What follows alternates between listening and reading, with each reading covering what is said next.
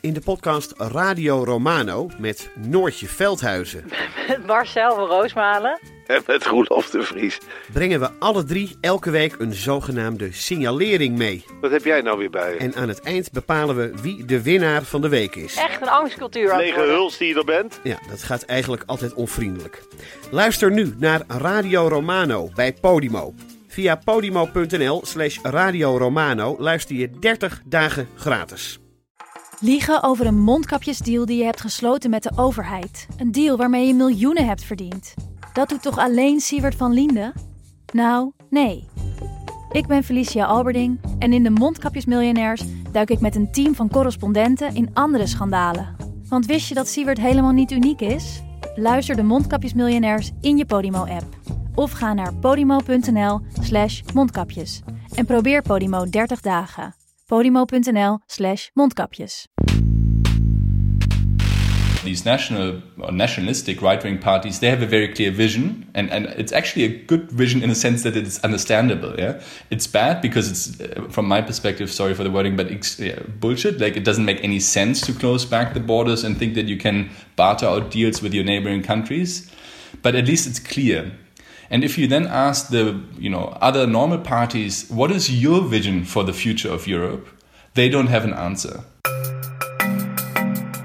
Dit is Betrouwbare Bronnen met Jaap Jansen.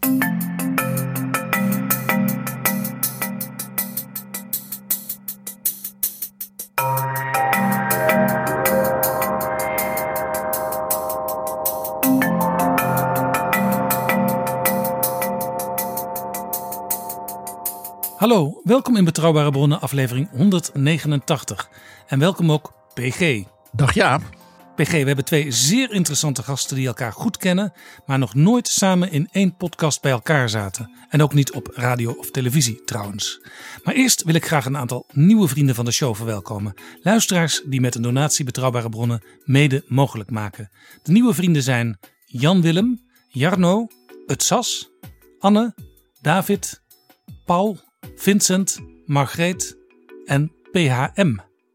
Wil jij ons ook helpen met een donatie? Ga dan naar vriendvandeshow.nl slash bb. En op die site verschijnen ook regelmatig berichten over betrouwbare bronnen. vriendvandeshow.nl slash bb. Heel erg bedankt. Het is gewoon fijn dat we zoveel waardering bij deze mensen vinden. Dit is Betrouwbare Bronnen. PG, zondag is het 9 mei, de dag van Europa. Dat is sinds 1985 een jaarlijkse dag om mensen bewust te maken van het belang van Europese samenwerking. Waarom is dat speciaal op 9 mei? Het is zondag 9 mei, precies 71 jaar geleden, dat Robert Schuman, de Franse minister van Buitenlandse Zaken, een toespraak hield. En die toespraak dat is eigenlijk de basis geworden van zeg de samenwerking van de Europese regeringen. En dat begon met kolen en staal. De basis van oorlog, geweld, industrie en een hoop narigheid, maar ook van een hoop welvaart, zeker in die tijd nog. De Europese gemeenschap van kolen en staal. En dat idee van Jean Monnet, we hadden vorig jaar precies om deze tijd, daarom ook zijn portret in Betrouwbare Bronnen, is door Schuman als het ware toen op tafel gelegd. Grappig genoeg omdat hij een paar dagen daarna naar Londen ging om met de Britse regering daarover te praten. Eh, vanuit het idee, als wij Fransen nou met de Duitsers dat samen doen, dan gaan die andere landen in Europa onmiddellijk zeggen, dat willen wij ook. Dat kunnen we samen doen, want dan heb je en welvaart en vrede als ware in één hand als idee. En ja, die datum van die speech van Schuman is als ware de dag geworden die men elk jaar ja, een beetje viert. Natuurlijk ook omdat 8 mei de dag was van de capitulatie van de natielegers. En omdat het Europadag is, verwelkomen we in deze aflevering twee super-Europese gasten. Laurens Dassen, op 17 maart gekozen in de Tweede Kamer als lid van de nieuwe partij Volt.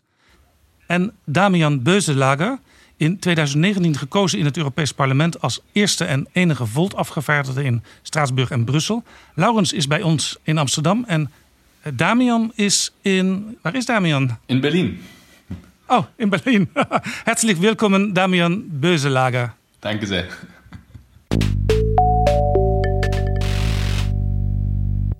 Damian and Laurens, let's talk the lingua franca of the European Union. Let's talk in English if you don't mind.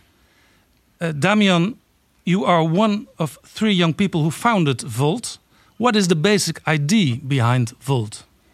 To understand the basic idea, I think it's helpful to understand a bit the, the history. Yeah? So I, I never intended to go into politics, and I just started a master in public administration, and I thought I would just study and then go back to my private sector career.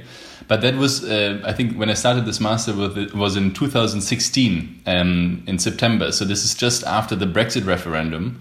And it's also in the time when, you know, uh, Marine Le Pen was running a really strong campaign when the AfD was just founded and getting stronger and stronger, and also when Trump was elected. So it was a quite a let's say political time, and um, I would just remember that basically with the other two, Andrea Venzon from Italy and Colombe Cahen-Salvador from France, uh, who I got to know during my studies, we were discussing a lot. I think like many of us, no, in this time, um, and so we thought actually, if we look at the world right now, we believe that, especially in Europe, we need to cooperate more closely to tackle the big challenges of our time, yeah? be it climate change, be it migration, be it you know even digitization you know if you want to have an ai startup work it needs to also work across borders so all of this meant that we need to get closer together but the whole political message at the time was very strong to you know go back to national borders to close the borders uh, to deal with our problems from a national perspective. And so we thought yeah, to do something about it maybe uh, we need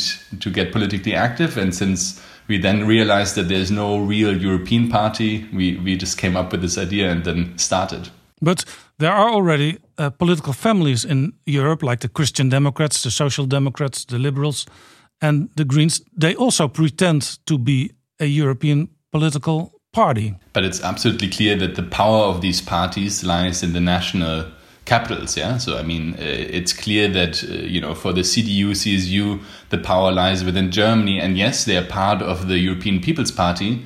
But in the end, for all important decisions, it will be the national party leaders who call the shots. It's not Manfred Weber. Yeah. So, and I think this is uh, something important to understand the party manifesto, the power of decision making, all of this lies currently in the capitals, even when it comes to European political parties. But that is, of course, essential for Europe, that philosophy, that it is the nations, the national governments who work together and have a European common destiny and a common sort of also political family as Europe. And that so the political philosophies in Europe also have these political families.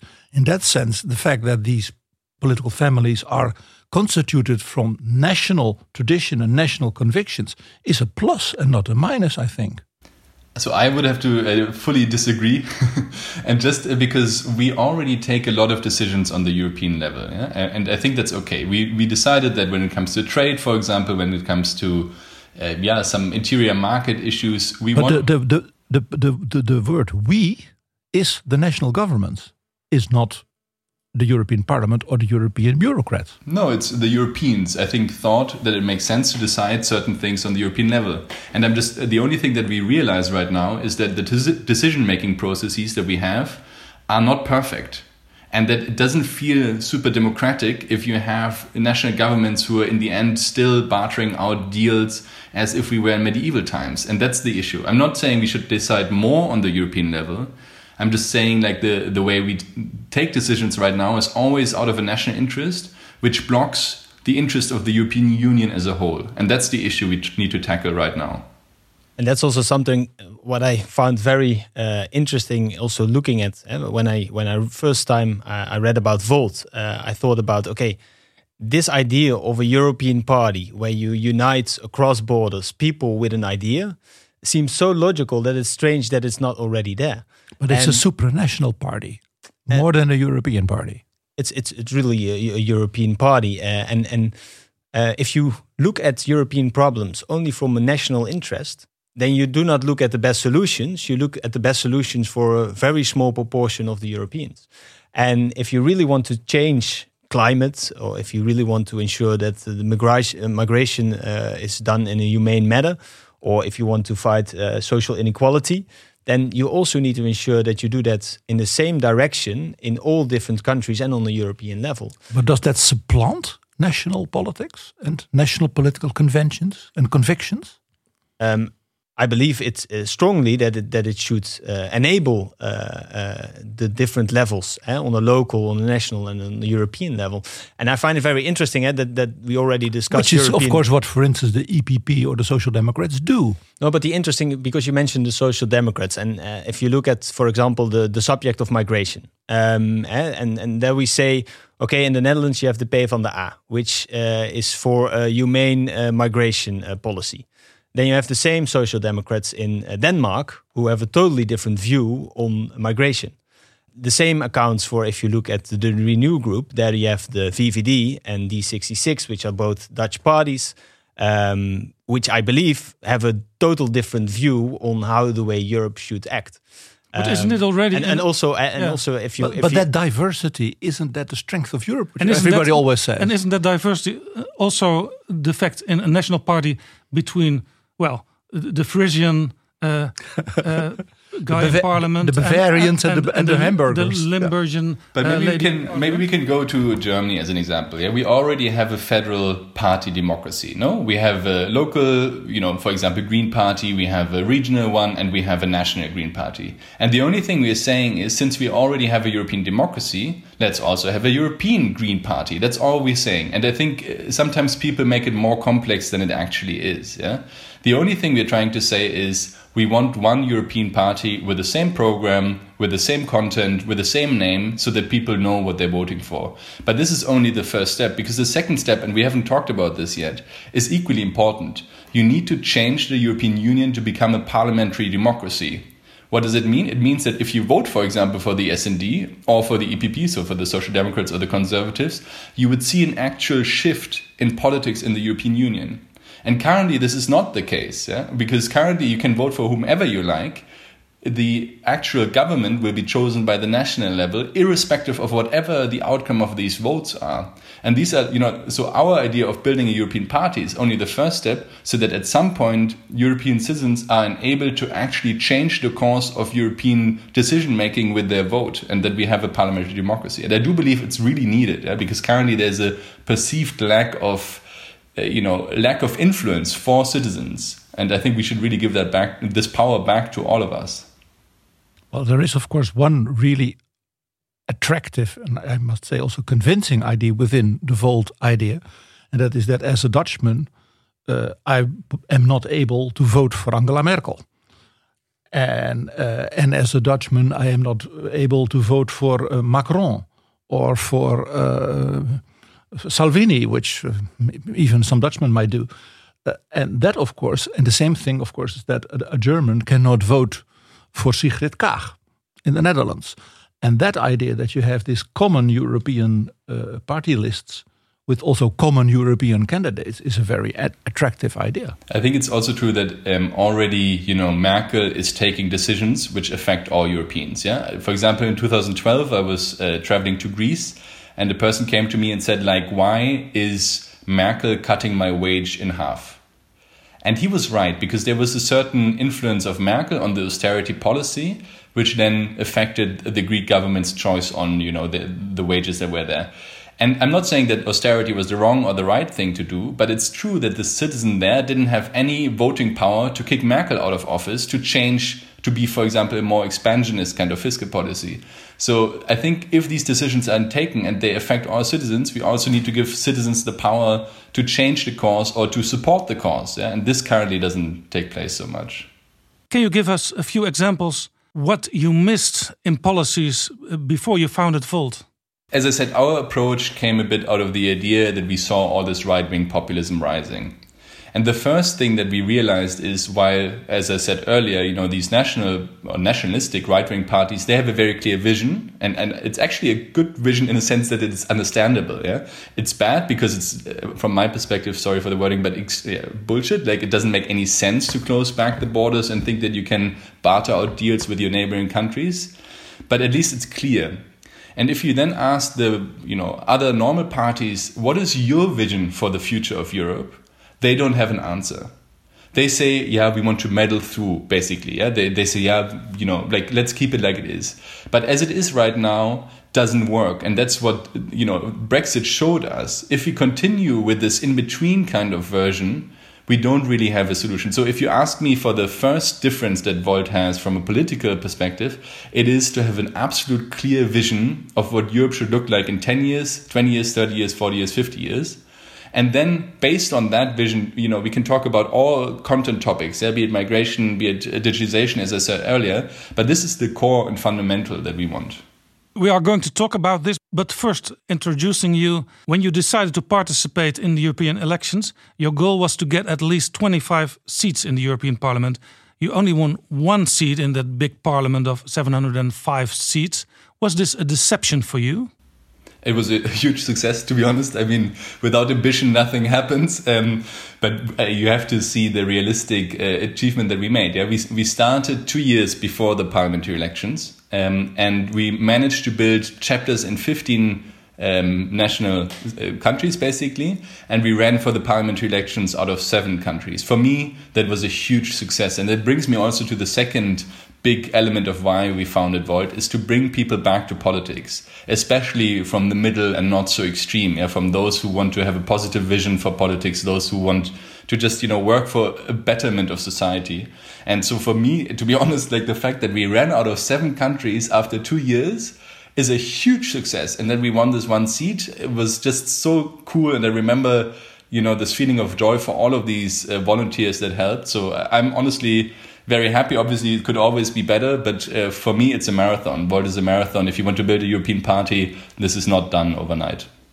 So you won one seat in those seven countries, and that country was in Germany. So you won a national seat in a national election within the European election.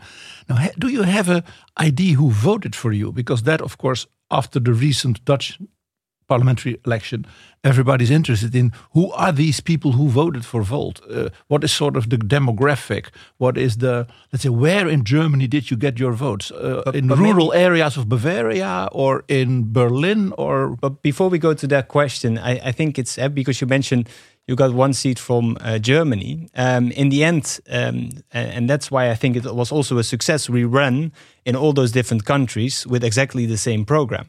Um, and we got more than 600,000 votes in all those different countries. I believe in the Netherlands we had uh, 2% uh, of the total votes, and we only existed for 10 months. In, in Luxembourg, we got also, I believe, 2.3% of the votes. Um, and indeed, in Germany, we had enough votes for one seat. But uh, looking at 600,000 votes from all Europeans, that it's, is quite a lot. excellent result if exactly. you just started. And and the, and the nice thing, and that's why for me that was also a success, is even though I voted Volt in the Netherlands uh, and we didn't get a seat in the Netherlands, I still have a, a representative in the European Parliament, be it Damian, because he uh, run on the same program as that we run. Uh, and then we can go through to the question because that's another interesting thing that during the European elections, all the countries, so all the European citizens, have different uh, democratic barriers. So, for example, in the Netherlands, uh, you uh, you set up a vereniging, um, and you hand in a list. You pay twelve thousand euros, and you can participate in the elections. In Italy, for example, you need to have one hundred and fifty thousand signatures uh, to even run in the elections. Yeah, and in France, you didn't have enough money to. And in France, uh, but Damian, maybe you can uh, uh, uh, help me with this. But I believe in France, you need to uh, print out your own voting ballots and distribute them throughout the country, and to get enough votes for seats uh, I believe you already need to spend 1 million uh, euros. So now we understand why Putin loaned money to Marine Le Pen. no, it, this is actually an old uh, practice. I think what, what you realize is, you know, coming from the private sector, barriers to entry are always introduced to somehow you know safeguard the like the, the, people who are already there yeah and i mean it is absolutely ridiculous that you have these laws sometimes preventing you from even registering a party as a party sometimes as Laurens said for registering for the European elections and sometimes being like these really dumb things that the state doesn't print your ballot paper that you have to print it yourself. I mean, the cost for that we estimated would have been 800,000 euros to be printing our own ballot paper and sending it to all the electoral offices across France to be able to be elected. Yeah, while the state does that for the bigger parties. So there's definitely like always these these hurdles and now in the European Parliament, um, I work on the European electoral law reform, and I'll try to ensure that this is not happening like this anymore. But now the answer to the question of PG, who are voting for yeah, Volt? who voted for what? So, I mean, to be honest, uh, since we are so small, there's not a lot of analysis uh, back from the European Parliament elections. I guess um, Laurens has much clearer insight uh, for um, who voted for in the Dutch elections. But I can tell you that who we targeted, uh, who was um, you know different groups of of people who just want to see progressive and, and positive politics. So a lot of uh, young voters. There was definitely a, a, group that we thought could you know where our message could resonate since we're also quite young. and but also um, funnily like the the rather old generation that still has the understanding that war is not something abstract but something that can happen if you don't constantly improve your democracy and if you don't participate in democracy. So there was also uh, th- that group. And to be honest, in between, we have people from all the different political parties who just like our pragmatic and a bit more fact-based approach and and not so much ideological approach. Um, so yeah, there's a, a, range of different people. But I don't know, Laurens, maybe you have a clearer image also from the last elections. Yeah. So um, also uh, um, getting back to the first time I encountered with Volt was in an article uh, of Caroline de Gruyter, uh, which stated new energy for Europe. And for me, also the words new energy and, and reading about a young group of people, uh, be it uh, Damian and Andrea and Colombe, um, who had this new idea of uh, ensuring that we solve the big challenges of today. And I think that idea resonates with a lot of young people as well because they uh, grow up with the euro. They they they don't have never uh, had uh, the the gulden. Uh, they grow up without borders. They see that climate change is one of their biggest challenges, and they understand that that needs to be solved together. Um, and of course, you have the Erasmus uh, beurs, um, uh, where a lot of young people are also able to study uh, abroad. So it's a um, party also for anywheres. Well, I, I, think that's too easy because um, there is indeed a lot of young people who well, uh, have the uh, idea of working together across borders. But like Damian mentioned, and that's also something you see in the Netherlands, there's also a group of older people that grew up with the European project um, that see that the world is moving to a more uh, um, story of uh, national borders again, um, uh, national uh, parties um, focus. Um, and that say, okay, we are worried about this, and we want to ensure that we move in another direction, and that also a young generation is able to speak out for their own future. And that's also what I think is very important that we as Volt uh, contribute also to the political landscape is that we are also able to force other political parties to uh, to to address where their vision for Europe is, and that it's not just okay everything is good as it is right now, and that we only hear the the the other side of the story that we want to move back to uh, national borders. But where's the vision for uh, Europe? And that's our vision is a European parliamentary democracy. But then, Damian, as one person in that very uh, big parliament, seven hundred and five seats, uh, you cannot do pretty much, I suppose. Um, I, I, do believe I can, and I can give you some examples in a second. But just to go back to one little point that um, Laurens just said, I think sometimes uh, since we wake up, you know, and grow up in a certain time in history, we forget that things constantly change. Yeah? Um, I mean, for example, uh, you know, I was born 88, so when I when I was very very small, Germany reunited. But this was a huge change of our socio-political structure, if you like. And these changes, if you look 30 years back further and 30 years back further, obviously you see are quite big. And to understand that you know things change and that we have to somehow you know be on top of this change and make it a positive change rather than a negative is something that we sometimes forget you know we think that things will just continue as they are but they won't and for us this new energy for Europe is just saying, let's make it a positive change. Yeah, just to to underline that one more time. Yeah, and maybe uh, because uh, uh, we started the the, the show uh, with also the Schuman Declaration, uh, I looked it up also what uh, of course what what he said because that is I think very inspiring. Where he said world peace cannot be safeguarded without making of creative efforts proportionate to the dangers which threaten it. And I think you also constantly as society needs to ensure that you keep on safeguarding and making these efforts uh, in going forward. And that sometimes you also need to change the status quo to ensure that these efforts are being made. Schuman in 1950, of course, had uh, this experience. He was not a young man then, uh, of a completely destroyed and also new Europe uh, from 45 to 50, and was also more or less like we and like Germany in 1989, 1990, when you were just born, uh, Damian, in, in, in this uh, incredible change and also uh, almost yeah, revolutionary uh, uh, situations. And then, of course, the question is how do you keep things going? And exactly as Damian said, it is not business as usual, things go as they go. Sometimes you have these very deep uh, uh, uh, moments in which uh, politics you know, is sort of redefined. And this is, of course, why uh, Schuman's declaration was sort of a, a, a tryout of this kind of redefinition.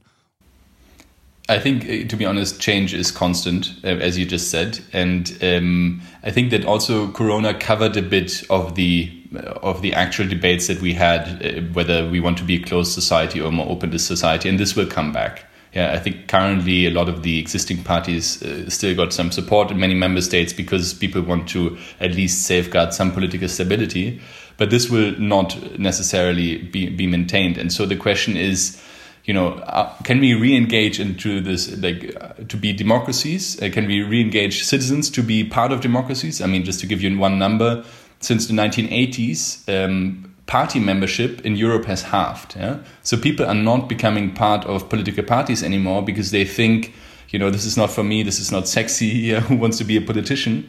But that's an issue. And it is a change that is negative. And so for us to bring this new energy also means somehow re-engaging people into politics. Yeah, uh, just to uh, to put this. Oh, indeed, and a lot of uh, people within Volt have never been part of a, um, a political party before, uh, especially also young people, but also elderly people. And I find that indeed very inspiring that a lot of people are well showing that they, uh, on a voluntarily basis, uh, spend their free time in ensuring that well, uh, we we go one step further. Um, but also maybe to get back to the question, um, if one seat is a success, um, and I, uh, we experienced it as, well in the Netherlands that Damian got elected. Uh, the difference between uh, zero and one was such a big moment for uh, us as a Volt organization. It's a hundred percent different, exactly, and but it, it, inspired a lot of people to continue um, uh, working on Volt. And can I change things? Uh, I think my uh, fazit right now is yes. Yeah, I, I, mean, I was obviously equally, you know, excited about this uh, and not sure whether it would be possible because I'm new to politics and I didn't know whether one person can can do a lot. Um, but now looking back, I mean, I spent more of my time already as a remote parliamentarian than actually in person. But I think I, I, was able to do a lot, and that is because I joined a political group so that I would actually be able to work on um, on legislation. And yeah, in, in, a way, you had to do a, an old-fashioned thing, uh, join a, an already existing political group, and you made a choice between the Liberals and the Greens, and you decided to go to the Green group. Why did you make that decision? So we gave this vote to all of our movement across Europe because we thought it's such an important decision. Let's let's ask all our members across the continent what they think. And in the end, they chose the Greens, and I'm quite certain it's because, um, first of all, under the uh, Renew, so the Liberals, I would have been um, part of a national delegation, whereas the Greens offered me to be my own delegation. And obviously, if you now know and hear about Volt, for me to be part of the German delegation under the FDP, uh, the, the German Liberals, was completely contrarian to my actual idea of being a representative for Laurens and everyone who voted across the continent for Volt. So this was a very important point. And the second one um, was very clearly the committees I was offered. Yeah? So if you uh, you know, think back, our proposal was to do three things in the European elections. Um, one is EU reform to actually make it in a parliamentary democracy. Second was to get to a more just society. So for me, that would mean working on migration and asylum and a third to fight for a more innovative and sustainable economy. And so I wanted to work in the Industrial Policy Committee. So the three committees that are needed for that, um, the Greens offered, and so um, I think that was also why the members chose for me to sit with with the Greens in that context. Yeah. Yes, but your aim is still to form a complete Volt group in the future. Absolutely, yeah, definitely. So that's the goal for 2024 um, had to really yeah make sure that we have our own European group. Um, and I think uh, also the reason, Damian, because you explained it to me as well, um, uh, back in 2019, is that um, being part of a group is also necessary uh, in order to be able to be part of committees to do your work uh, in a proper way. Um, but of course, um, we are building Volt um, further. Uh, we have now elected officials as well in uh, Bulgaria, in, in, Germany, and uh, uh in the Netherlands uh, on the national level now, and also in Italy. And and of course, we are still building the movement going for, further to ensure that 25 seats in 2024. Yes. Uh, let's talk about your ideas. Damian, you, you already said that you have a clear idea of what Europe should look like in about 10 or 20 years. Can you tell us a, a little bit about um, the most important things you want to realize in Europe in the next 20 years? Absolutely. I mean, it's super simple. Yeah? I think what we are trying to say is look, we all know how parliamentary democracy works. Yeah, that, that's something we learn from the national level, and we're very much aware of it. It's also often very similar, even on the local level. And the only thing we're saying is let's make this work also on the European level, so that when you, as a citizen, care, for example, let's take the example of uh, you know less bureaucracy on the European level. You go to the parliamentary elections, you vote for some form, uh, some parliamentarian who says, "I want less democ- uh, less bureaucracy," and if this parliamentarian becomes part of a majority then they will field the government. Yeah? And then this government will enact your voters' wish of having less bureaucracy because that's the basically the you know why you voted for them. And if somehow this this this government uh, fails or does something bad, then Parliament can actually kick them out of government and say, "Sorry, you didn't do it well. We want to to field a new government. Maybe a new coalition can come forward." And that's all. Yeah, basically uh, to translate it now into these uh, more institutional terms you want to have a, a, a, parliament that is voted directly by the citizens. The majority of this parliament can actually field the European executive, so the European Commission, you can call it Commission if you like. And then you have a second chamber, um, you can call it the European Council uh, if you like, which just has one role, which is to ensure that all the rights of the lower levels are not touched upon by, by the European level. So that basically all the national competence are not infringed by the European. So it's really a simple system, but it would ensure that we as voters, as Europeans, can direct the European policymaking in either a more social, a more austerity, or you know, a, a less open or more open kind of way, which currently we don't have the power to do. So you want a European government? Many people fear a European superpower we or don't we already, to? We already have a European government. We already take decisions on the European level.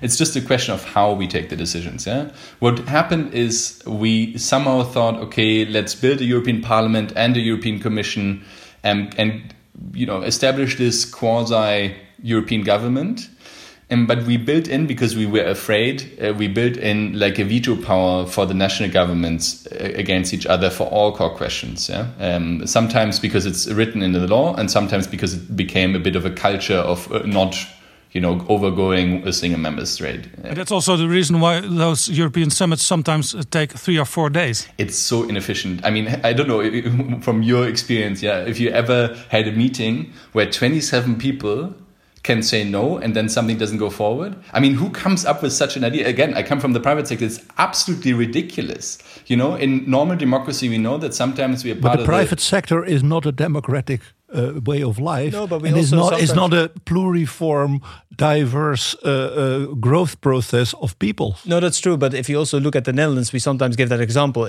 I mean, the Netherlands wouldn't be very effective and, and, and very uh, going forward if all 12 uh, provinces would have a veto. Uh, we had that for centuries in our republic. Yeah, and I think it, it it's now more efficient, uh, well organized, and I think that's also where we want to move forward, of course, with um, uh, with Europe and the European Union, because in the end, it's also it, it, it's a means to an end. I mean, it's also a way of ensuring that we tackle uh, climate change, that we uh, ensure that we have on a geopolitical side Uh, are able to uh, stand up against uh, China or uh, work uh, with the, the US and also make sure that we have a more innovative continent, that we invest in, in, in the future technologies. I, I was surprised when Damian started this whole institutional sort of constitutional talk because if I look at the Declaration of Amsterdam, the Declaration of Amsterdam is the program uh, for the European Parliament.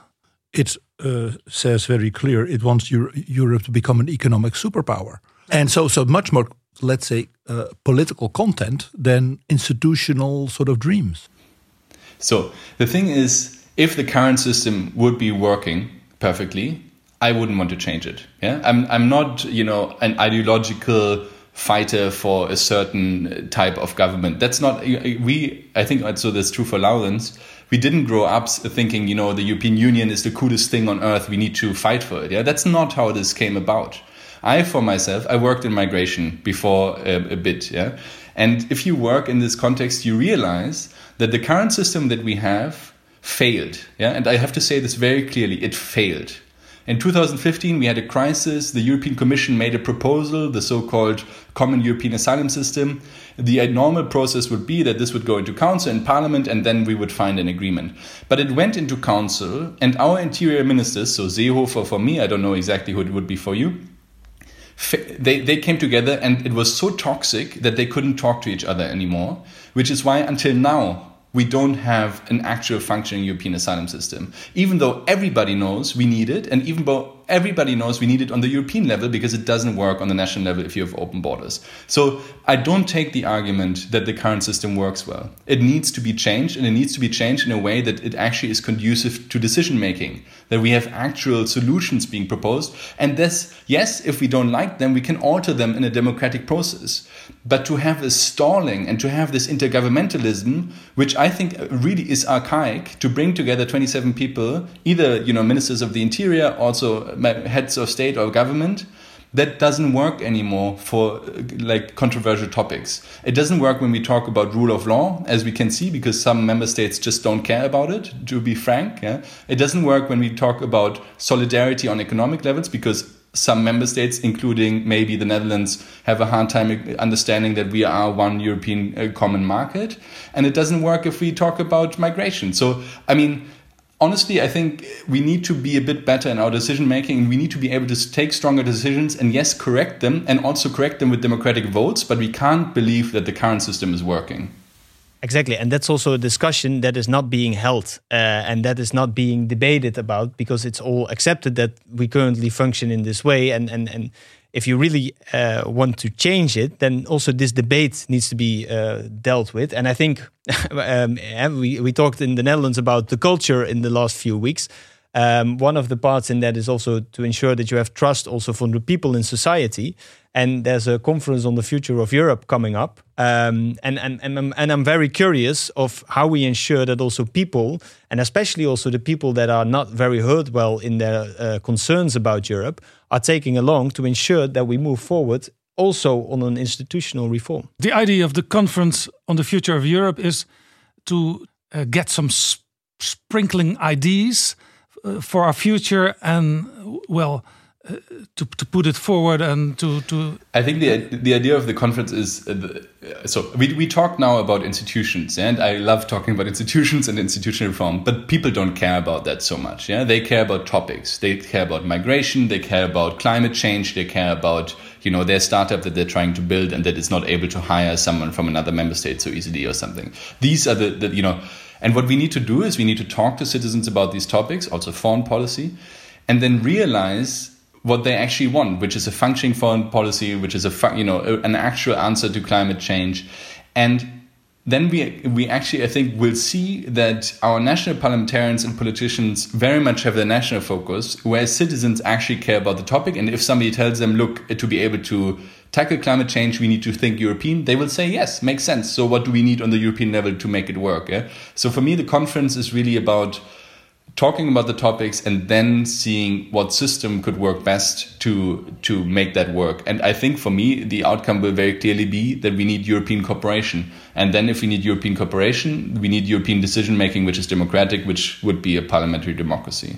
So we need to to repair or to renovate the the vehicle and then make it work that's that's the idea. We just need to go the whole way. Yeah, we walked half the way. We now build a system which is part intergovernmental, meaning all the heads of state coming together and bartering out deals with some people sometimes coming, you know, uh, with a book, with a biography of something, rather than actually listening to the meeting. Um, and with That's some, our prime minister, Mark Rutte. He uh, took a book of uh, about Chopin. about Frederick Chopin. Uh, Who is a Polish composer and was a French uh, pianist, so it was a very European idea reading that book, of course. But it was very anti-European to send this message. Yeah? Um, and, and it also shows, of course, and, and, and with the whole uh, uh, Corona uh, for Recovery and Resilience Fund, is um, looking at the, also the debate in the Netherlands. It wasn't there. Um, the the government was almost asleep. They weren't paying attention. They didn't want to uh, pay any attention of what what was happening in Italy, and they also didn't see what uh, Angela Merkel and Macron were looking at, and that they were changing and that they were shifting. And in the end, the the Dutch government was well way behind uh, the bus, and and what was the contribution that we had? It was all negative. Uh, and in the end, what did we get? Um, I mean, I believe that if you then look in a different way of European cooperation, then this whole debate would have been done in a different way, and then European solidarity, which is needed in such times, uh, can be done in a better way, and to ensure that we all benefit from this. Uh, but by the way, there is, Laurens, there is still no Dutch uh, concept uh, for the recovery and resilience plan. Uh, what do you think about that? Well, uh, two things. Um, first of all, um, of course, the Dutch are the ones that uh, indicated that everyone should do reforms. Um, and are the only ones that aren't doing reforms at the moment. And Mario Draghi, in on behalf of Italy, has come with an almost revolutionary plan. Exactly, uh, which the Dutch could almost uh, sort of both admire and be jealous of. And and and the the, the plan of uh, the Italians, and let's hope they succeed in this. That the, the, the reforms are done eh, in a digital way um, to ensure that the economy is uh, more robust, but also that uh, the the taxpayers of the the black money market is not so dominant anymore. Uh, but indeed, it's inspiring to see that there is really uh, thought about reforms. And I understand that um, um, Merkel and Macron also uh, discussed their uh, uh, plan. Um, and where is the Dutch plan? It's it's non-existent. Yeah, but but but even the uh, Dutch informateur Herman Tjeenk Willink concluded that there there cannot be a Dutch plan already because we have to make political choices, and there is no political board at the moment in the Netherlands? Well, I mean, the the parliament uh, has been elected, so uh, in that sense, um, th there is a democratic uh, house that uh, can make the make these choices. I'm currently, uh, no, I was negotiating the recovery plan um, from the parliament's perspective within a team of, of people. And I remember very well that the Dutch and the German in the negotiations said, you know, no money without reforms. Yeah, our German taxpayer money, our Dutch taxpayer money is not going to be transferred to another country without actual reforms. And now it's a bit hypocritical that exactly these countries that said no money uh, without reforms are the ones that failed to put reforms forward. Yeah, I mean that's true for Germany as well. The the plan that we presented, actually also for France, the plan that the plans that were presented are very very weak on reforms, and I think that that's quite a bad message to to other countries. So I really hope that the Netherlands uh, will put forward some reforms to not show basically oh only the Southerners need to do reforms uh, and not not ourselves as well. And this is also a little bit of the energy that that is lacking uh, currently. If we want to make uh, Europe also for uh, uh sustainable and, and, and, innovative future, then we also need to yeah uh, ensure that we are able to to put forward plans that are uh, yeah proof for the 21st centuries. Let me be very specific. In the Declaration of Amsterdam, it says in Europe there should be four percent GDP for R and D, innovation, etc. So I think then that the Volt people in the different member countries, and looking, of course, at Laurens also, will then say uh, this should be in that reform program. So indeed, eh, there should be uh, uh, more money uh, spent on R and D, um, and and and what we see on the other end is that uh, thanks to uh, again the Dutch government, the uh, money spent in the MFK um, is less on uh, innovation and that the, the, the money on the Horizon uh, program is cut. Um, I think it's a very bad signal also to future generations, but also um, looking in the world that we are in. I mean, uh, China is uh, moving forward in a digital way uh, very fast uh, with artificial intelligence. And we also need to account that this will also have consequences for our way of living. Uh, I mean, if uh, we are not able to also set the standards and the norms on technology, then this will also be influences on our way of life. And therefore, I think it's also important that Europe should be innovative as well. Well, that's a very specific thing, and that's not a very, let's say, institutional thing. No, no, exactly. But uh, like Damian uh, mentioned, um, the the the uh, institutional reforms are there to ensure that we move forward on the topics that are important for us all uh, and for uh, for people. So I mean, uh, also if you look at uh, the, the the big corporations, uh, maybe to conclude on the uh, innovative side, if you look at the 15 big tech companies in the world, then none of them are European. Um, that's also because in the 90s we missed out on the internet uh, revolution now, and currently it's the artificial intelligence. But also, if you look at uh, tax uh, taxation of these big tech companies, it's almost non-existent, and this should be done on a European level. And to do this, um, it's in, in, the end we do this because we want to ensure that they contribute because they make use of the infrastructures that we have, the education that we have, the the, the digitalization that we the, that we provide for them, eh? the, the, the labor that we provide for them. Um, but in the end, to do this, we need also institutional reforms um, to make it effective. So it's two things that we want to achieve. One more point from the Declaration of Amsterdam. Uh, you plead for a broader mandate for, let's say, for the European Central Bank, that it should be more than, let's say, where it where it where, where it started with the Maastricht Treaty as a sort of a financial guarantor against inflation, in particular. Uh, that, of course, uh, has completely disappeared, more or less, as a as a goal of a, of the central bank. Uh, how, how are you going to develop this idea, and how are you going to sort of institute uh, the development of such a broader mandate? Because that's a very interesting and also very challenging idea. Um, so um, maybe Damian, you can uh, uh, help me out on this one. It's it's also that uh, we want to ensure that the ECB, like also the the Fed in the United States, can also um, steer on unemployment eh, to ensure that we are yeah more effective in encountering unemployment as well. Uh, but then, of course, also the parliamentary oversight should be uh, better and improved. Um, and and currently you see that. And nowadays the central bank uh, only uh, talks to the parliament, but uh, the parliament doesn't have a vote on it. I think it's it's a bit broader connected to finally actually the recovery fund that we talked earlier. Yeah, because I mean, what do you need to be able to get out of a crisis? Uh, according to economic theory, is like expansion of your fiscal policy, which is you know actually spending more on an investment, and that is what uh, what we currently tried, for example, in this crisis with the recovery fund, and what I would argue we would need in general, yeah? some form of a general tool to be able to invest once there is a crisis, especially since we are a currency union at least to with a majority of member states. Yeah, so this is the first point, and we can discuss a bit. You know, what kind of changes need to happen on the to have a European fiscal policy, and then the same question applies to you know how can we ensure that the, our European monetary policy works in the right way.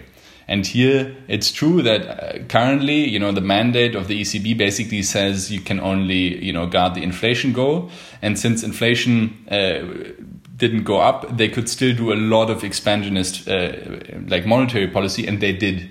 But I think it's important to understand that they actually went quite far within their given mandate.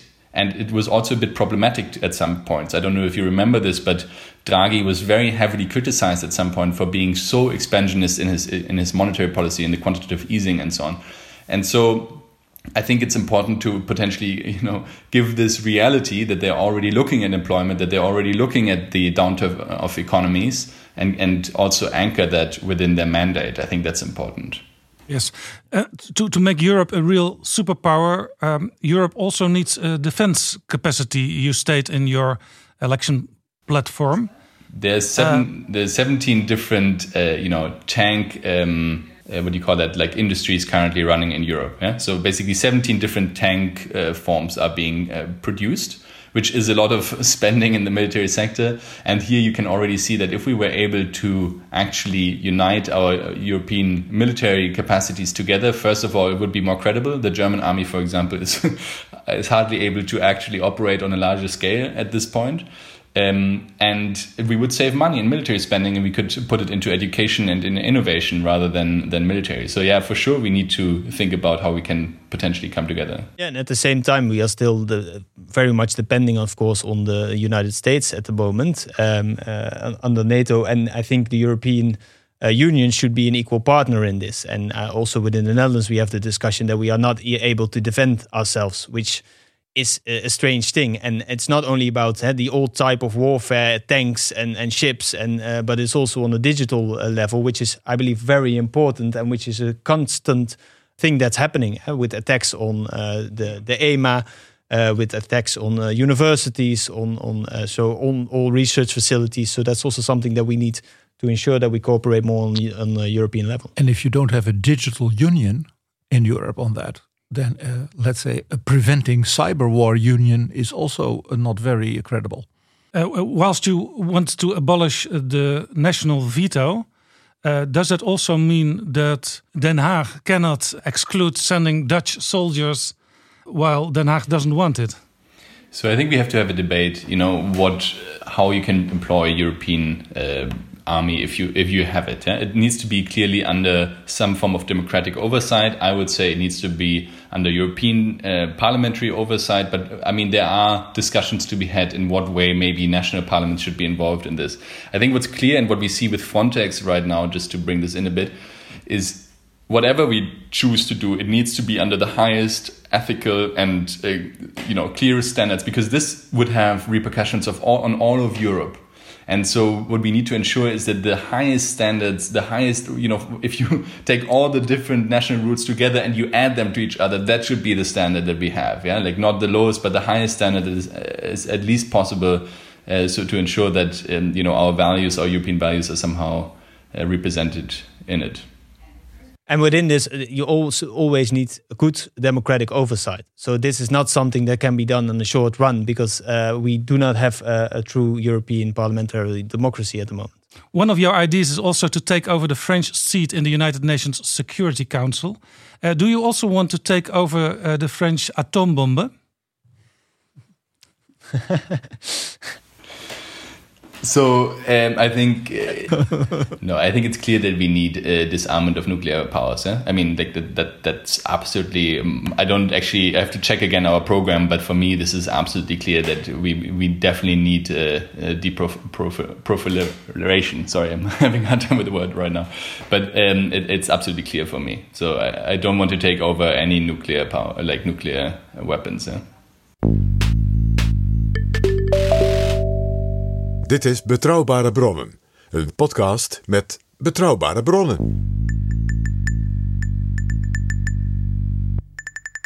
Damian, let's talk for a while in Dutch about the experiences of uh, Laurens in the Dutch Parliament. Laurens, bijna niemand kende Volt nog in Nederland, maar u blufte meteen al in interviews in de verkiezingscampagne. Ja, we gaan tenminste drie zetels halen en dat lukte ook nog. Hoe, hoe is dat gekomen? Ja, nou, we hadden het er net natuurlijk al even over. Van bij de Europese verkiezingen hebben wij 2% van de stemmen gehaald. En dat was voor ons eigenlijk ook het eikpunt dat we zeiden: Oké, dit hebben we bij de Europese verkiezingen gehaald. Dat is ook iets wat we willen evenaren bij de nationale verkiezingen. En ik vind het uh, mooi dat je zegt van. Ja, jullie kwamen in één keer uh, uit het niets. Maar dat was voor ons natuurlijk niet zo. Want hè, zoals je ook met Damian net hoorde van. Um, we waren al heel lange tijd bezig om Volt op te bouwen. En ook in Nederland zijn we vanaf 2018 zijn we bezig geweest om ja, een, een, een, uh, een beweging op te bouwen. Uh, ja, uiteindelijk hier naartoe. En um, we hebben daarin hele sterke lokale teams neergezet. Um, die ons geholpen hebben aan het begin van januari om alle handtekeningen op te halen. Maar daarin zag je ook in één keer dat die energie loskwam bij de campagne. En dus dat we ook steeds meer uh, werden opgepikt bij, uh, bij de media.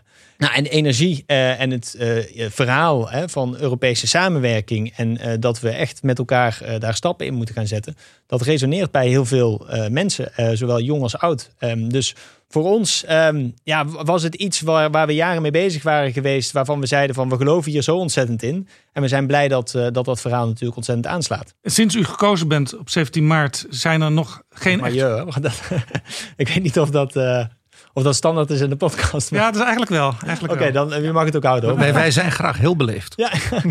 maar goed, we spraken ook uh, in de voornamen uh, tot nu toe. Sinds je gekozen bent op 17 maart zijn er een paar debatten geweest. Maar dat waren eigenlijk geen inhoudelijke debatten.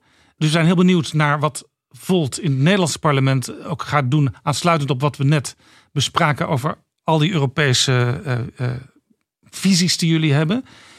nou, heb ik even nagelezen in de gespreksverslagen van Herman Cenk Willink met u. En ook uw brief erbij genomen die u aan de informateur heeft geschreven. Daar zagen we die eh, typische Europese punten eh, nog niet echt terug. Maar als je het nou hebt over een nieuwe bestuurscultuur die nodig is aan het Binnenhof, zou je dan ook niet, dat is dan natuurlijk de relatie tussen de regering en het parlement, maar zou je ook niet moeten praten over de relatie van Nederland met Europa? En dan lijkt het me juist voor u ook iets om dat te agenderen. Ster- sterker nog, we hadden dat punt net, Damian, ook aan de orde. Precies, ik heb het al even genoemd. Van het is echt, eh, eh, we hebben het in Nederland hebben we het erover, maar het is natuurlijk iets wat eigenlijk Europees ook heel erg speelt. Ehm, en, en die discussie eh, zou veel breder gevoerd moeten worden. En ik denk ook niet dat de bestuurscultuur alleen maar in het parlement is. Ik denk ook dat het wat mee te maken heeft van het vertrouwen wat mensen hebben eh, in de politiek. En dat is in Nederland, maar dat geldt natuurlijk eh, voor heel Europa. En daarbij moeten we ook eh, echt wel in acht nemen dat. ehm, als je kijkt naar het toeslagenschandaal, van wat daar gebeurd is en hoe daar dus ook de rechtsstaat is geschonden. eh, dat wordt ook in Europa weer gebruikt door andere landen van. Ja, Nederland, allemaal leuk en aardig dat jullie ons aanspreken. Maar kijk eens wat je zelf doet. Dus dat heeft ook directe gevolgen. En ja, dat moet wel beseft worden, ook in, eh, in het Nederlands parlement en ook door de Nederlandse regering. Waarom stond dat punt van Nederland moet een misschien wat opener, actievere relatie ook richting Europa hebben? Eh, dus niet in die punten van de nieuwe bestuurscultuur die u bij Cenk Willing hebt neergelegd. Want dat viel mij ook wel op, ja. we dat dat er het- niet in stond. We hebben, het, we hebben het zeker ook besproken. En ik ben ook blij dat het ook in het, eh, het rapport van eh Cenk Willing staat. Eh, en eh, komende week hebben we natuurlijk het debat hierover. Ehm, en dan kan ik eh, eh, u garanderen dat dat, daar, dat dat daar absoluut terug gaat komen. Ja, wat juist zijn misschien wel, wel, punt wel zaken voor u te doen. Ik, ik blijf toch maar u praten, want dan ben ik nou eenmaal al 189 afleveringen zo gewend. Eh, Als je kijkt eh, wat eh, een aantal partijen die waarschijnlijk straks ook verder gaan praten over de inhoudelijke eh, vormgeving van, eh, van een nieuw regeerakkoord. Even los van de vraag wie uiteindelijk in de coalitie stappen. Eh, dan zie je dat met name D66, het CDA, de Partij van de Arbeid, eh, GroenLinks en ook uw eh, partij Volt eh, bij Cenk Willink hebben gepleit voor een actief Europa-beleid. Dus het zou best wel eens kunnen dat Nederland een eh, kabinet krijgt met een regeerakkoord. eh, wat in jaren niet zo pro-Europa is geweest. Nou, ik denk dat dat ontzettend goed zou zijn als dan daarin ook het besef zit dat ehm, naast natuurlijk die grote uitdaging die we Europees echt aan moeten pakken, dat we dus ook als Nederland veel meer een voortrekkersrol weer gaan nemen in hoe kan die Europese samenwerking eruit zien. En dus dat de minister-president niet met een boek van Chopin naar eh, de Europese Raad gaat, maar met een daadwerkelijk idee wat hij gaat pitchen bij zijn ambtsgenoten om te zorgen dat we dus eh, beter met elkaar gaan samenwerken. En dat ook het debat in Nederland daar veel meer open gegooid wordt. Ehm, en ja, ik denk dat dat er ook uiteindelijk toe gaat leiden dat in het parlement ook veel meer creatieve ideeën eh, naar voren komen. En dus dat het ook weer echt om die ideeën gaat in eh, dat Europese debat. Ja, u heeft zelf al wel gezegd, wij gaan als Volt niet meeregeren. Nou, we, we hebben in ieder geval aangegeven van dat het op dit moment absoluut niet bij ons ligt om eh, eh, daar, eh, daar het voortouw in te nemen. En, Ja, dat zegt het CDA ook. Kijk, wij willen graag in het Nederlands parlement zorgen dat echt dat Europa-debat wordt aangewakkerd. En daar, daar gaan we ook hard mee aan de slag. Ehm, juist ook om te zorgen, en dat, ik ben blij dat dat net ook even aan, aan de orde kwam, om te zorgen dat de grote vraagstukken van vandaag, hè, klimaat, migratie, veiligheid, eh, ehm, digitalisering, sociale ongelijkheid, echt worden aangepakt. En dat er op een Europese blik ook naar wordt gekeken. Ja, u heeft al één aangenomen motie op uw naam staan. Een motie over de informatieplicht van de regering aan het parlement. Wat wil die motie?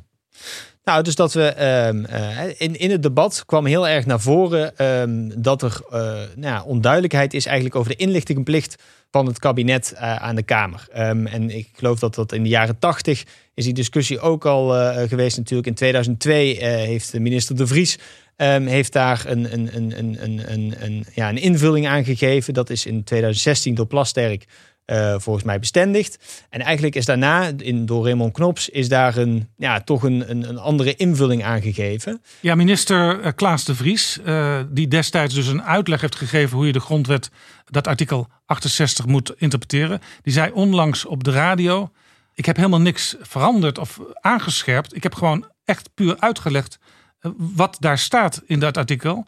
En als je dat gewoon op die manier uitvoert, dan, dan is er niks aan de hand, zegt hij. Nou, maar de- het is dus op een andere manier eh, geïnterpreteerd. Want hè, de, nu zijn de beleidsopvattingen, et cetera, zijn allemaal niet meegenomen. Het staatsrecht groeit met de dag, dat weten we. Ja, Nou, en, en dus eh, hierin, hè, en dat beoogt de motie ook, is omdat daar zoveel onduidelijkheid over is, is om te zorgen, en daarom staat er ook over een, een, een brede eh, commissie. Hè, dus dat is niet alleen maar de Kamer, maar dat is juist dus ook ehm, eh, met alle grondwetgevende organen. Dus dat je daar die discussie mee aangaat. Om te zorgen dat dat echt duidelijk wordt. Ja, ik vond die motie, eh, ik heb hem hier voor mij liggen, en op- om twee redenen heel interessant. De eerste reden is dat de motie hiermee dus vastlegt, want ik begreep dat die met ongeveer algemene stemmen is aangenomen of iets dergelijks, dat het dus de Tweede Kamer is die als het ware zegt, dit is wat wij met de grondwet willen. En, de ja, Tweede Kamer interpreteert eh, dat wat, als het ware er moet, wat, de, wat, wat moet zeggen wat de grondwet wil. Kijk, uiteindelijk is de grondwet is natuurlijk ook iets wat, ehm, wat wij belangrijk vinden en ja, wat ons bindt, wat ons ook inspireert, waarop eigenlijk nou ja, eh, ja, een beetje de centrale rol eigenlijk ook heeft in, in ons hele beleidsvormingsproces.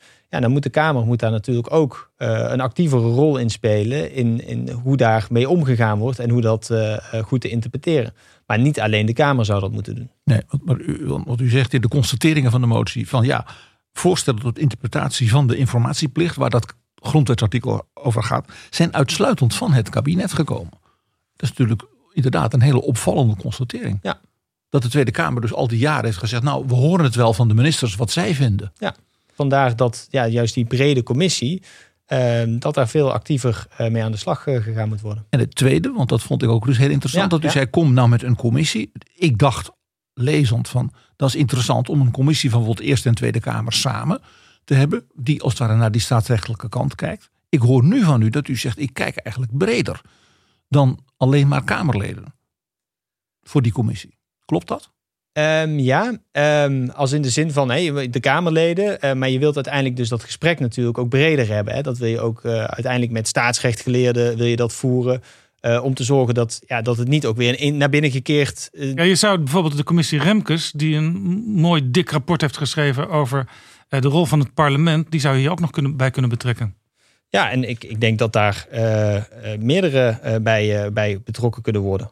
Is het misschien niet, als ik even kijk naar hoe de, eh, de Staten-Generaal in Nederland functioneert, dan niet voor de hand liggen dat je zegt, we maken dan een commissie van de Staten-Generaal, dus Eerste en Tweede Kamer, die dan bij wijze van hoorzittingen organiseert of anderszins dus mensen uitnodigt, staatsrechtgeleerden, eventueel dus ook Europese staatsrechtgeleerden, van wat kunnen we leren van de, het Verfassungsgericht in Karlsruhe, wat kunnen we leren van een aantal dingen op dat punt in andere, ook Europese landen, om vervolgens dan als Staten-Generaal weer te zeggen, nou, uit die lessen trekken wij bijvoorbeeld deze belangrijke conclusies voor het functioneren van eh, artikel 68. Ja, nou, en in, in dat opzicht zou je ook nog eh, op een andere manier dan kunnen kijken. Hè. De Venetië-commissie die, eh, die wordt ingesteld. Hè. Daar heb ik in mijn bijdrage ook nog naar gerefereerd van wat daar nu de status van is. Want Ja, dat is een commissie die geleerd is aan de Raad van Europa.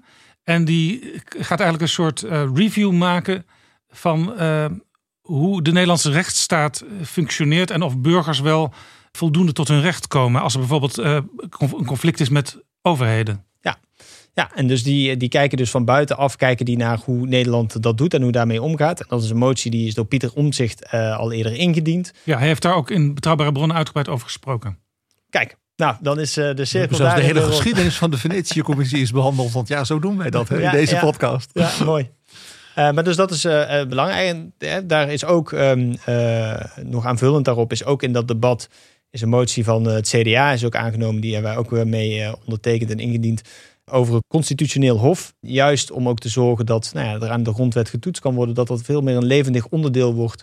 Ook van eh, onze parlementaire democratie. Ja, dan kom je ook weer trouwens bij het Bundesverfassungsgericht eh, terecht.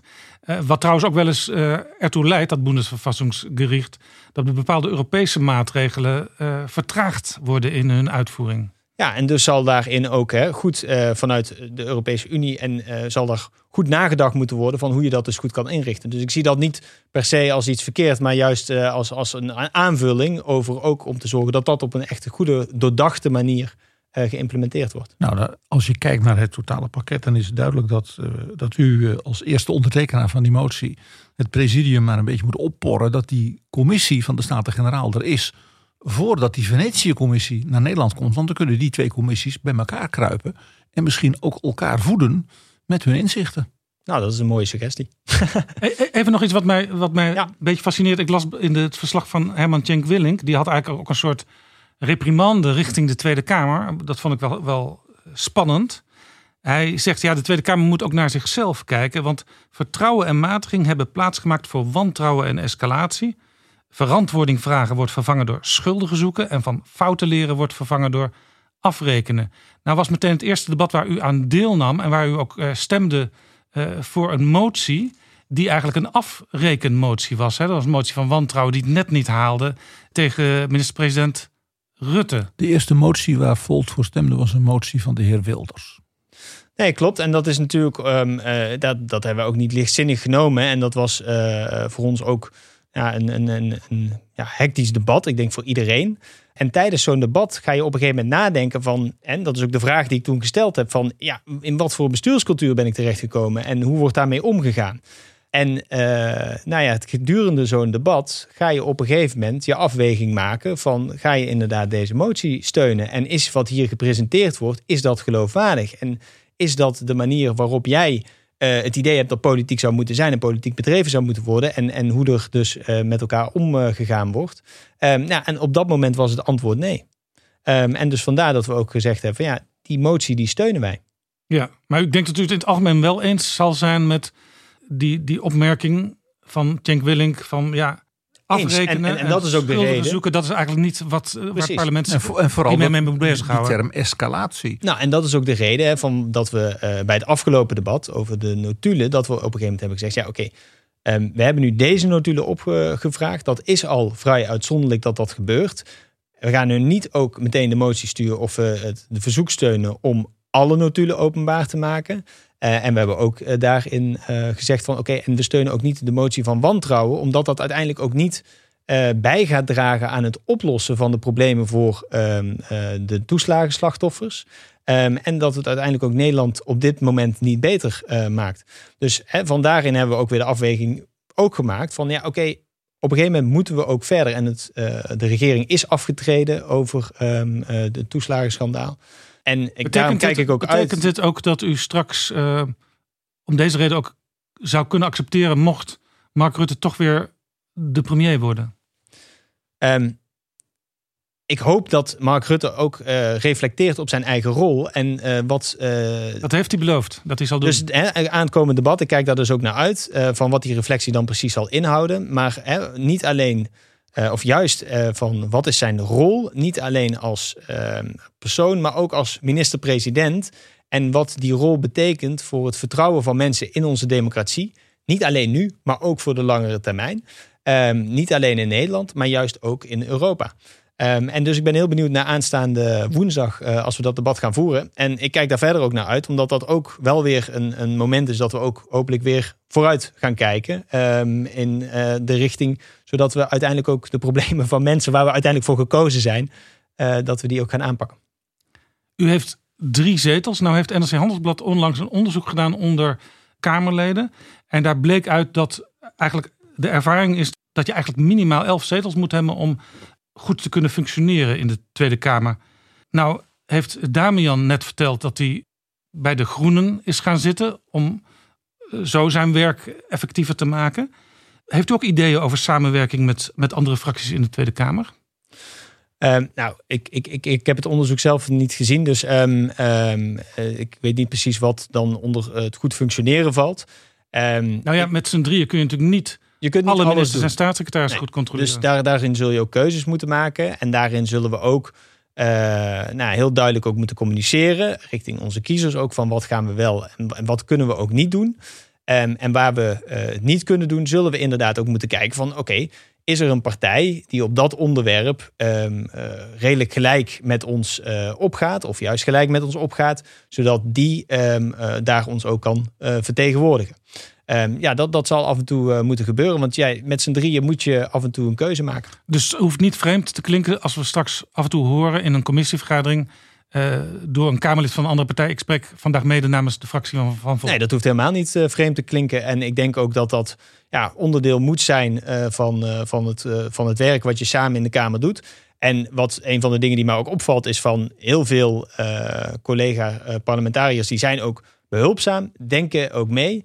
Ehm, en uiteindelijk zit je daar namelijk ehm, niet alleen maar vanuit je eigen partij, maar je zit daar om mensen te vertegenwoordigen. En dat kan dus ook partijoverstijgend zijn. Kijk, wij zijn met Volt zijn we voor samenwerking in Europa. Maar natuurlijk niet alleen voor samenwerking in Europa, dat is ook voor samenwerking in Nederland. En ja, dus dat zou helemaal niet raar hoeven klinken. Uh, ja, aan de andere kant, ik bijna zeggen, een soort opbeurende opmerking.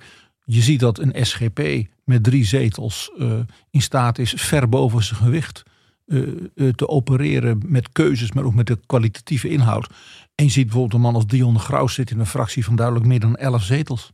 Ja, dus zo ja, zie je maar weer. En, en, ik bedoel, kijk, Um, het is ook het, het, de inbreng die je, die je dadelijk hebt. Hè? En, en uh, we hebben het toen straks even over transparantie uh, gehad. Van wat doet uh, de Nederlandse regering in, in, in Brussel en in de Europese Unie.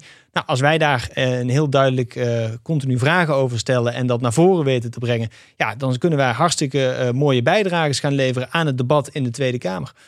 Dus ik zie ook met drie mensen en zeker in deze tijd. En daarnaast staat er een hele organisatie achter ons van uh, actieve leden, van uh, experts die ons uh, graag meehelpen. Dus ik heb er alle vertrouwen in dat we daar ook de komende jaren profijt van gaan hebben. Als u aan het eind van de parlementaire periode van vier jaar, waar u met z'n drieën in zit, en ik ga er even vanuit dat u niet zoals veel andere nieuwe fracties prompt uit elkaar valt. Geen afsplitsingen. ja. Alles kan in dit land. Als u aan het eind van die vier jaar één ding hebt bereikt, dat u zegt: ik kan naar de kiezers van Volt van 17 maart 2021 in 2025 zeggen: jongens, we hebben een heleboel dingen niet kunnen doen met z'n drieën, maar dit wel. Wat is dat? Nou, dat, dat is eigenlijk um, uh, wat ik net aangaf. Dat, dat is voor mij het allerbelangrijkste, is dat het debat over Europese samenwerking veranderd is. Dat je kunt zeggen, uh, in Nederland is een opener debat. Het is veel duidelijker wat Nederland daarin doet. Um, en dat daar ook veel meer um, uh, in het Europese debat de Nederlandse inbreng wordt meegenomen. Um, ik denk hè, dat dat is misschien een wat abstract iets, maar ik geloof zeker dat als we dat voor elkaar weten te krijgen, dan is dat één goed voor Nederland en twee goed voor Europa. Dit is Betrouwbare Bronnen. Bij ons is nog steeds Damian Beuzelager. We gaan hem er weer bij betrekken. Damian, Are you both already coordinating any concrete actions you can do in the European Parliament and the Dutch Parliament together?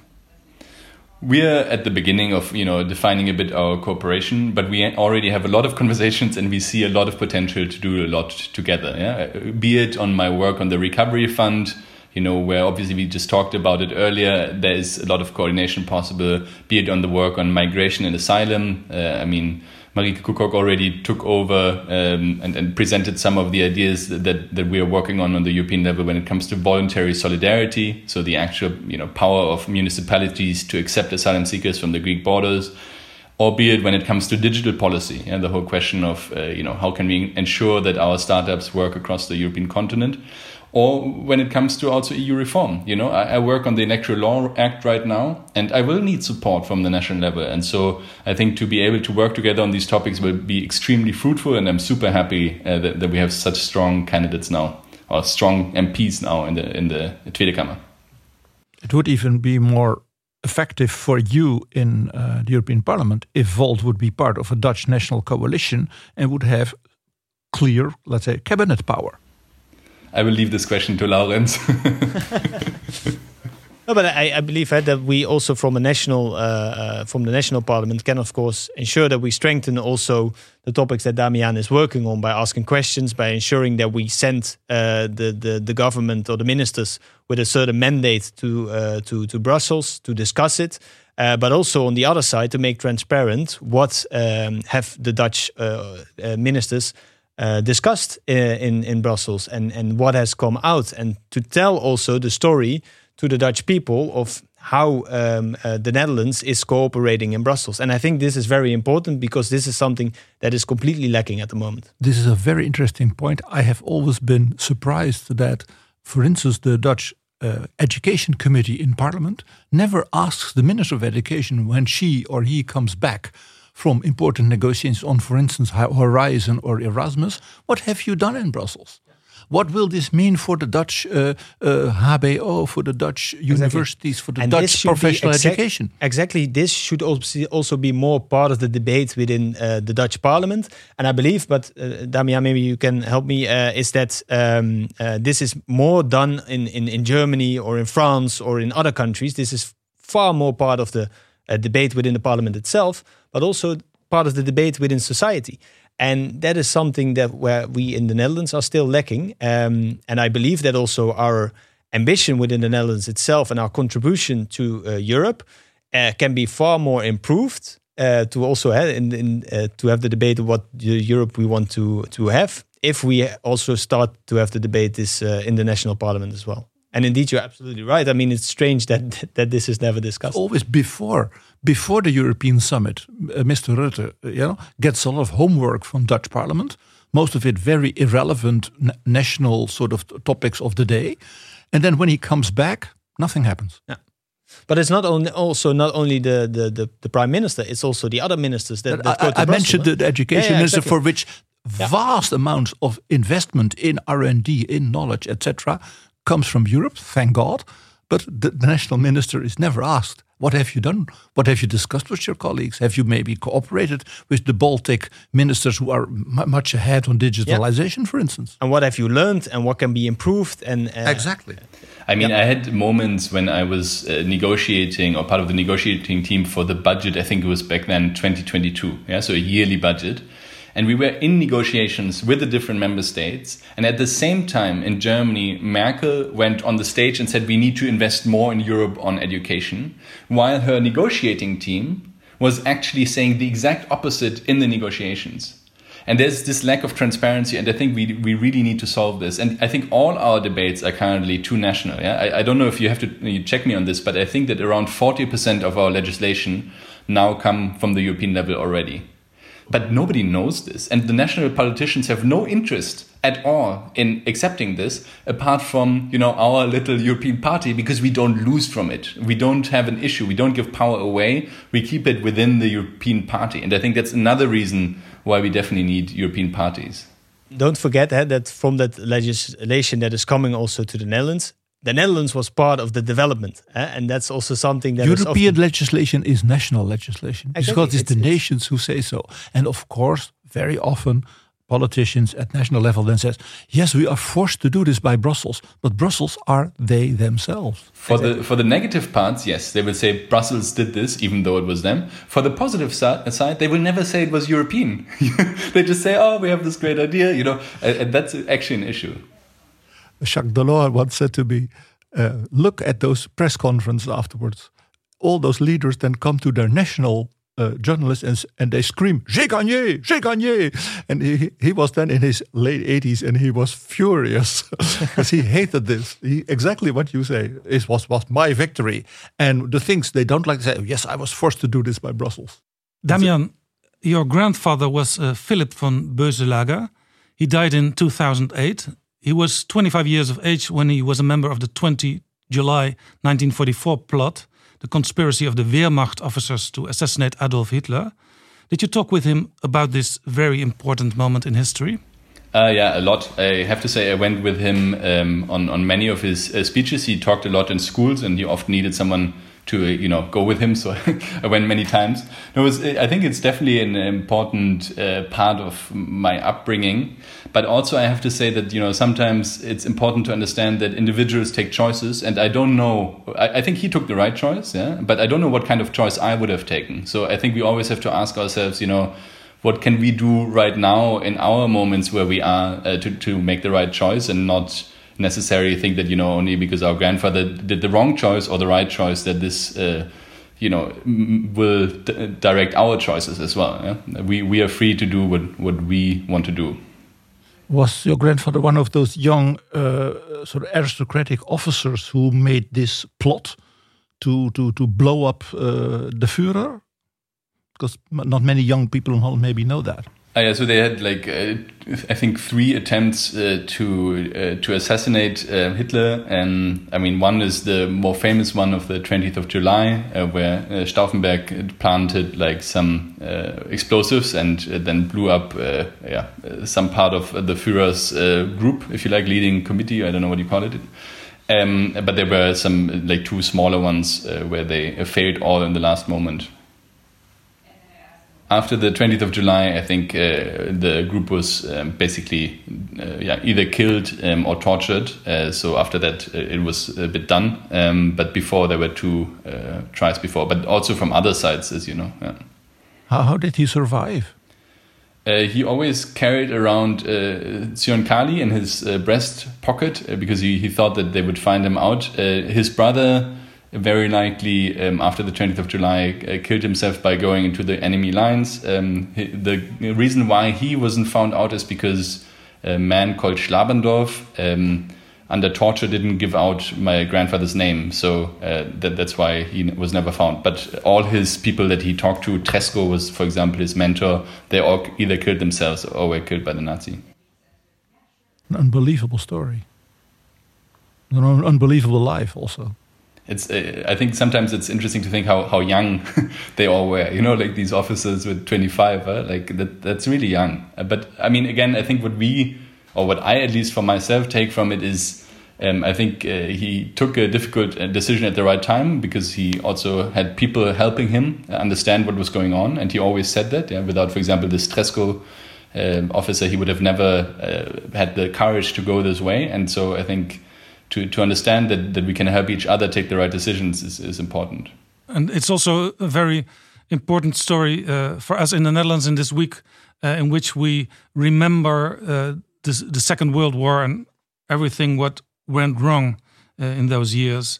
It must be inspiring for you, I think, on a daily uh, basis, Damian. Yeah, but on the other hand, uh, like I avoid actually talking about this too much because I think what is a wrong conception is that somehow because he took the right decision, I would take the right decision. Yeah, I think this link is not there. You can only say this is inspiring for me, and this is something uh, you know I adhere to or I take I think about. But in the end, uh, everyone has the same kind of you know freedom uh, to make the right decisions. Um, I'm sorry if I'm repeating this point, but I think it's quite important to you know not gloat about uh, you know your forefathers or also you know uh, yeah take the it might also be you know negative things that they bring. Yeah? We come to a conclusion of this talk. There is one member in the European Parliament of Volt. There are three now in the Dutch Parliament. Uh, there are also uh, about 30 local uh, politicians, uh, for example, in, in Frankfurt, in Bonn, in Köln, in München, in Rome. What are the next EU member states you aim on to get seats in the national parliament? Well, the next one is uh, Germany, I believe. So uh, in September, uh, yeah. how are the polls at the moment for Volt in Germany? So I think we're still uh, a bit below the poll level, uh, I have to say. Um, so uh, I mean, we will run for the Berlin elections and the national elections in September uh, for sure. And yeah, we will try to do give our best to to to make a strong result there. but also in the other countries, there are always elections coming up. That's a good thing. if you're a European party, there will always be elections that you're trying to run for, and we are trying to build, you know, all across the continent a strong, positive uh, pro-European force. Yeah, so Lisbon, uh, Copenhagen, uh, Milan, I believe, are also uh, this year. It's a continuous uh, campaign uh, throughout Europe. There's a world to win. Thank you very much, Damian and Laurens, for this very nice, informative talk. Thank you very much. That's nice to do it for the first time together. Cheers, Damian. bye. bye. Bye.